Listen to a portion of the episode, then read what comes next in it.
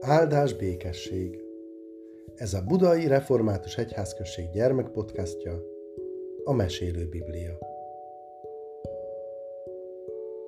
Az előző részben megismerkedtünk Ádámmal és Évával, akik a gyönyörűséges paradicsomban laktak az Úristennel együtt. De ott nem maradhattak. El kellett jönniük. Azelőtt egész boldog életük volt, és vidám volt minden, most pedig szomorú és keserves. Ez volt a büntetésük, amiért nem fogadtak szót Istennek. Egyszer azonban valami csodálatos szép dolog történt. Istentől ajándékba kaptak egy gyermeket, egy apró kis fiúcskát, hogy megörültek neki. Éva így édesanyja lett. Elnevezte gyermekét Káinnak. Egy idő múlva másik gyermeke született, ő is fiú volt, őt Ábelnak nevezték. Így Ádámnak és Évának két fia volt. Ádám és Éva úgy gondoskodott Káinról és Ábelről, ahogy csak tudtak. A két fiúcska gyorsan felnőtt, megtanultak szaladgálni, beszélni, és akkor Ádám és Éva imádkozni is megtanította őket. És beszéltek nekik az Úristenről, a paradicsomról, meg a gonosz sátáról is, aki az embereket mindig szófogadatlanná akarja tenni és megkérdezték két gyermeküket. Ti akarjátok-e az Istent szeretni, és akartok-e neki mindig szót fogadni? Káin és Ábel izmos fiúkká nőttek. Dolgoztak akár csak apjuk. Káin földműves volt, a földeken dolgozott, és vetette a búzát. A megérett búzát levágta, megőrölte a magokat, és kenyeret sütött belőle. Ábel birkapásztor lett, birkáival kiárt a mezőre, és jó füvet keresett nekik. A birkák teje nagyon jó ízű volt. Néha leölt egy bárányt, aznap volt jó húsa ebédre. Káin mindig több és több búzát vetett. Ábelnek is egyre több és több birkája lett, mert minden esztendőben születtek kisbárányok de ugyan kinövesztette Káinnak a búzáját. És ugyan kiadta Ábelnek a sok kis bárányt. Az Úristen. Minden Istentől van. Jól tudta ezt Káin is, és Ábel is. Ádám ezt sokszor mondta nekik. Ezért aztán meg akartak mindent köszönni az Úristennek, és valamit vissza akartak neki adni abból a sok ajándékból, amit kaptak. Áldozatot vittek az Úristennek. Tudod-e, hogy csinálták ezt? Ha Ábel az Úristennek áldozatot akart vinni, akkor bárányai közül kiválasztotta a legszebbiket. Ez az Istennek szánt bárány, gondolta. Aztán jól égő száraz ágakat szedett, fölrakta egy szépen összerendezett kőrakásra, aztán levágta a bárányt és föltette a tűzhöz készített fára. Így az áldozat elő volt készítve. Az áldozatnak el kellett égnie, tehát Ábel parazsat rakott a gajak alá, a szél belekapott a tűzbe, a fa elégett, és vele égett a bárány húsa is, a füst pedig fölszállt az ég felé. Akkor Ábel letérdelt, és nagy tisztelettel ilyesfélét mondott. Édes jó Istenem, én téged nagyon szeretlek. Te úgy gondoskodsz rólam.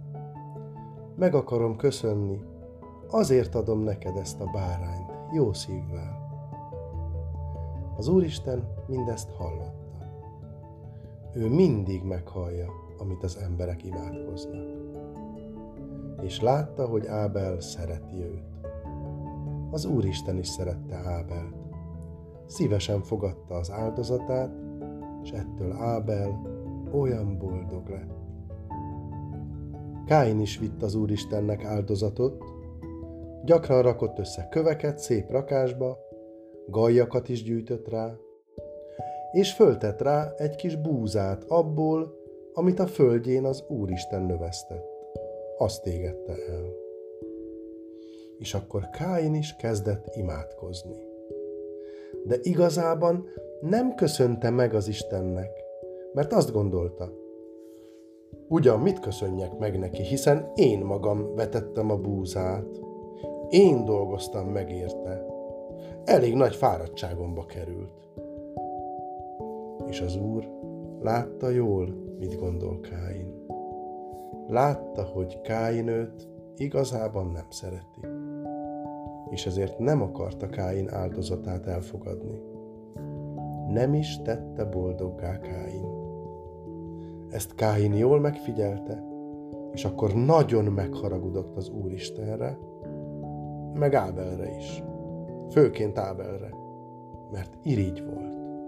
Azt gondolta, Ábel az Úristen kedvence, őt boldoggá teszi, engem meg nem tesz boldoggá.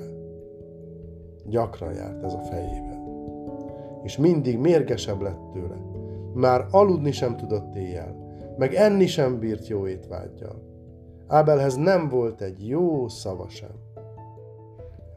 Az Úristen figyelmeztette. Káin, miért haragszol, és miért irigykedsz? Hiszen mindez a te hibád. Ha szeretnél engem, Káin, akkor te is boldog volnál. Jusson ez eszedbe, és ne irigykedj.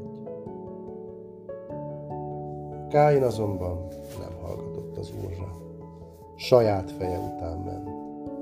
Egyszer magával hívta Ábelt, gyere, menjünk ki a mezőre. És amikor odakint ketten egyedül maradtak, elkezdett vele verekedni. De egész keményen és gorombán. És Káin úgy megütötte az öccsét, hogy Ábel meghalt. Megijedt ám erre Káin, hirtelen elszaladt, félt a büntetéstől. Azt remélte, hogy az Isten nem látta, mit tett pedig az Úristen mindent nagyon jól lát, ami itt a földön történik. Persze, hogy ezt is látta. Megkérdezte Káintól. Káin, hol van az öcséd, Ábel? Erre Káin hazudni kezdett, és nagy szemtelenül így felelt. Mit tudom én, hol van Ábel? Talán bizony, őrizője vagyok én az öcsémnek. Az Úristen így szólt. Mivel ezt tetted, nem növesztek neked többé semmit. Itt sem maradhatsz többé. Menj el innét. Hallani sem akarok rólad többé. És akármilyen messze is mégy, nyugalmad nem lesz sehol. Úgy is lett. Káin elbújdosott. Egész messzire mindig messzebbre. De mindenütt eszébe jutott az öccse. Egész életében félt és boldogtalan volt. Így hát Ádám és Éva egyetlen napon elveszítette mindkét fiát. Egyikük sem jött haza estére. Akkor kimentek megkeresni őket, Ábelt megtalálták. Úgy tűnt, mintha csak aludt volna. De nem ébredt föl soha többé, hiszen meghalt. Akkor Ádám és Éva fogta a holttestet és eltemette a földbe. Nagyon szomorúak voltak. De később az Úristen új örömöt szerzett nekik. Újra gyermeket adott nekik, nem is egyet, kisfiúkat és kislányokat. A kisfiúk közül az egyik éppen olyan volt, mint Ábel. Az Úristent épp úgy szerette, sétnek hívták. amikor Ádám és Éva őt meglátták, mindig Ábel jutott eszükbe. És sokat emlegették. Ó, szegény Ábel! Pedig nem volt igazuk, mert Ábel csöppet sem volt szegény, sem nem volt boldogtalan. Igaz, hogy Ádám és Éva eltemette Ábel holttestét, de az nem volt Ábel, hanem csak a meghalt teste. Ábel maga útban volt Isten felé. Senki sem árthatott már neki, és egyszer majd kinyitja neki az üdvözítő a mennyországot.